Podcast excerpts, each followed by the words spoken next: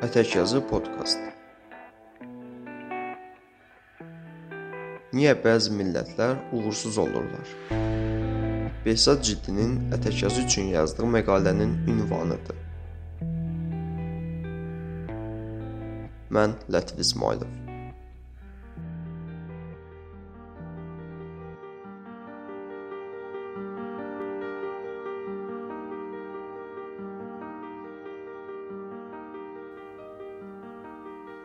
Niyə bəzi millətlər varlı, başqaları isə yoxsul olurlar? Bu fərqlilik hardan qaynaqlanır? Kültür fərqliliyindən, yoxsa yerləşdikləri coğrafiyadan? Bəlkə də buna səbəb düzgün siyasətin nə olduğunu bilməməkdir. Əslində iqtisadçılar, sosioloqlar və siyasətçilər millətlərin sosial rifahlarına görə fərqlənmə səbəblərini əsrlərdə araşdırırlar. Bu sual günümüzədək hələ də bir tapmaca kimi izahsız qalıb. Bu haqda tanınmış iqtisadçı professor Acımoğlu və onun əməkdaşı professor Robinson 15 illik araşdırmalarının nəticələrini Millətlər niyə tənəzzül edir adlı kitabda qələmə alıblar. Onlar bu kitabda millətlərin varlı və ya yoxsul olmaqlarının əsas səbəblərini açıqlamaq üçün cəhd ediblər. Onların araşdırmalarına görə millətlərin iqtisadi baxımdan uğurlu və ya uğursuz olmaqlarının təməli məhz onların siyasi və iqtisadi qurumlarından asılıdır. Nümunə üçün Cənubi və Şimali Koreya ölkələrini düşünün. Hər iki ölkənin xalqları kültür, dəb, adət və ənənə baxımından dünyanın ən seçilən millətlərindən sayılsalar da, Şimali Koreyanın əhalisi yer üzündə ən yoxsul əhali sırasında Cənubi Koreyadakı qardaş bacıları isə ən zəngin cəmiyyətlər arasında yer alırlar. Belə olduğu halda iki Koreya ölkəsinin arasında olan fərqliliyi nə ilə açıqlamaq olar? Acemoğlu və Robinson bu fərqliliyin səbəblərini yalnız bir məsələ ilə əsaslandırırlar. Cənubi Koreyada hakim olan inklüziv siyasi və iqtisadi qurumlar. Cənubi Koreyanın siyasi və iqtisadi qurumları nə qədər inklüzivdirlərsə, Şimali Koreyadakı qurumlar bir o qədər eksklüzivdirlər. Cənubi Koreya yaradıcılığı alqışlayan, texnologiya yeniliyini mükafatlandıran və bütün vətəndaşlar üçün iqtisadi fəaliyyətə şərait yaradan inklüziv bir sistemə malikdir. Və buna əsasən keçmiş 3-10 illik ərzində Cənubi Koreyanın iqtisadiyyatı davamlı olaraq artmışdı. Bunun tam əksinə, Şimali Koreya xalqı keçmiş 10 illiklər ərzində sonsuz aclığa, siyasi basqılara məruz qalıb. Çox fərqli iqtisadi qurumlara görə dünya üzrə ən yoxsul xalqlardan birinə çevriliblər. Bu kitabda Acemoğlu və Robinson Roma imperiyasından, Orta əsrlər Venesiyasından, Sovet İttifaqından, Latın Amerikasından, İngiltərədən, Avropadan, ABŞ-dan və Afrikadan fövqəladə tarixi nümunələr göstərərək dövlət qurmaq üçün yeni bir siyasi-iqtisad nəzəriyyəni ortaya qoyub günümüzün ən böyük suallarını cavablamağa çalışıblar. Bu sualları cavablamaqda bu kitabın böyük əhəmiyyəti var. Çinin siyasi sisteminin avtoritar olmasına baxmayaraq, iqtisadiyyatının artmasının əsas səbəbləri nədir? Bu artış əbədi davam edib qərb iqtisadiyyatlarını alt-üst etməyi bacaracaqmı? Amerikanın ən yaxşı günləri arxada qaldı. Cəmiyyətlərin aydın düşüncəliləri avtoritar hakimiyyətləri gücsüzləşdirən sistemlərin yerinə inhisarı gücləndirib, kiçik bir azlığı zənginləşdirən rəzil bir qurumları dəstəkləməyə keçiblər. Milyardlarla insanı yoxsulluğun dibindən varlığa çatdıra bilən ən təsirli yollar hansılardır? Qərbin zəngin xalqlarından daha çox yardım almaq, yoxsulluğu aradan qaldırmaq üçün nə qədər səmərəlidir? Yoxsa inklüziv siyasi və iqtisadi qurumlar yaratmaq lazımdır? Bu sualların cavabını bilmək istəyən şəxslər bu kitabı oxumağı qaçırmamalıdırlar. Bu kitabı oxuduqdan sonra keçmiş 10 illiklərdə Qərb ölkələrinin Əfqanistanda həyata keçirdikləri siyasətlərin nə qədər yanlış olduğunu görəcəksiniz. Mənim fikrimcə, bu kitabın ən maraqlı nöqtələrindən biri onun yazıçılarının həm Amerika, həm də Çin haqqında ortaya qoyduqları xəbərdarlıqlardır. Bu kitabın müəlliflərinə görə millətləri varlıq baxımından fərqləndirən ən əsas amil onların siyasi və iqtisadi qurumlarının inklüziv və eksklüziv olmasıdır. İnklüziv siyasi və iqtisadi qurumların bərpası iqtisadiyyatın yüksəlişinə və millətlərin zənginləşməsinə səbəb olur. Onun əksi olan eksklüziv siyasi və iqtisadi dövlət qurumlarına sahib olan cəmiyyətlərdə ölkənin bütün resursları və bütün siyasi güc yalnız cəmiyyətin kiçik bir hissəsinin ixtiyarında olur.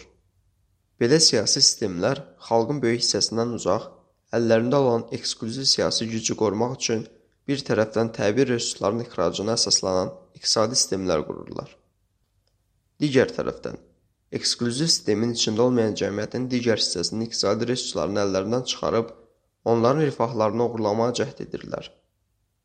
Belə bir sistemin nəticəsində cəmiyyətin böyük hissəsi yaradıcılıq və texnologiya yeniliklərinə olan maraqlarını itirirlər və buna görə də bu millətlər uğursuz olurlar. Bunun əksinə, İnklüziv iqtisadi sistem cəmiyyətinin mülkiyyət hüquqlarını təmin edib qoruyur. Onları yeni texnologiya və bacarıqlara yatırım yatırmaq üçün təşviq edir və bütün iqtisadi tərəflər üçün bərabər rəqabət imkanı yaradıb iqtisadiyyatın artmasını təmin edir. İnklüziv iqtisadi qurumlar çoxlucu siyasi qurumların bərpasını dəstəkləyirlər və qarşılıqlı olaraq çoxlucu siyasi qurumlar da inklüziv iqtisadi bir sistem qurmaq üçün cəhd edirlər. Belə bir ikitərəfli sistemlərdə güclər və imkanlar yalnız bir kiçik qrupa aid deyil, bütün cəmiyyət arasında bölüşdürülür.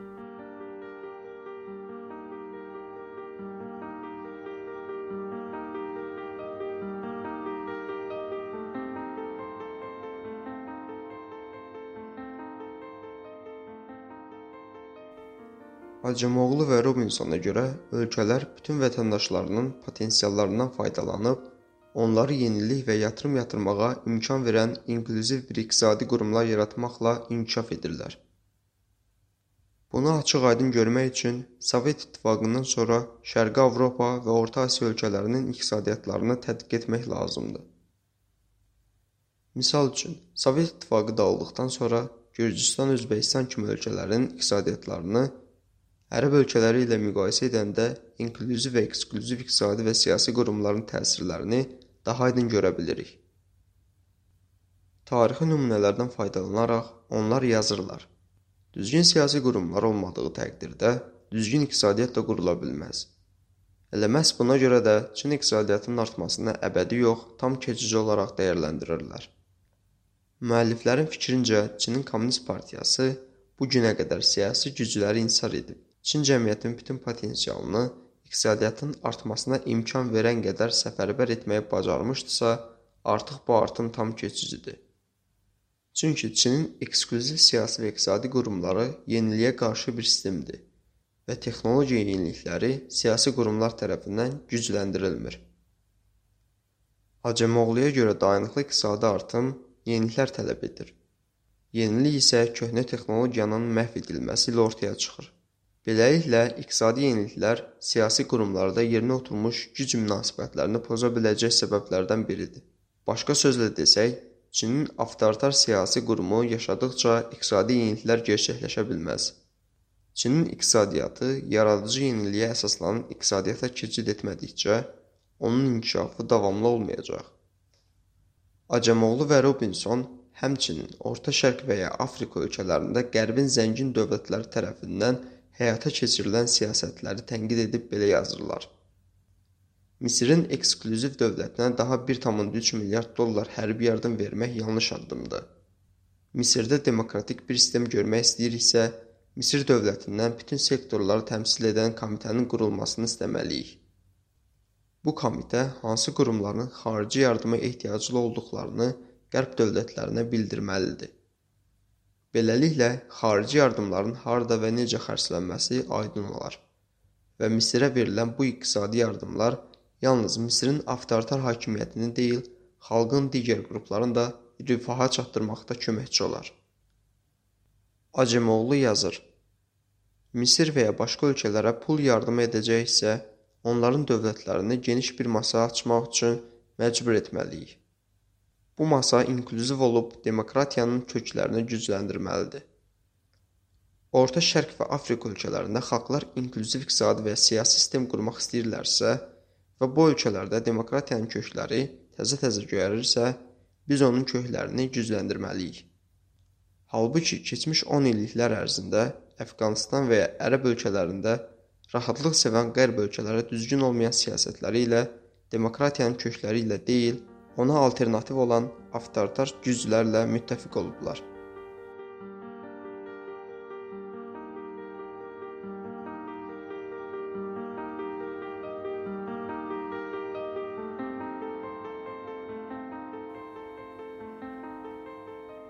İnklüziv sistem gərəkli olsa da yetərli deyil.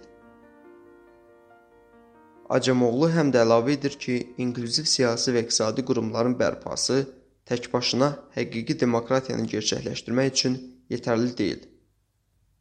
İqtisadi bərabərsizlik inklüziv iqtisadiyyatı səmərəli fəaliyyətdən yayındıra bilər. O qeyd edir ki, toplumda iqtisadi bərabərsizlik dərin olduğu zaman İqtisadi bərabərsizlik siyasi bərabərsizliyə çevrilə bilər. Misal üçün, ABŞ-da prezident seçkilərində bir şəxs təkbaşına bir namizədin bütün təbliğat xərclərini qarşılaya bildiyi təqdirdə prezidentliyə seçilmiş bu namizəd yəqin ki, onun fikirlərinə qarşı olan rəqib səsləri eşitməyəcək. Başqa sözlə desək, iqtisadi bərabərsizlik hətta inklüziv qurumları avtoritar bir sistemə çevirə biləcək qədər təhlükəlidir.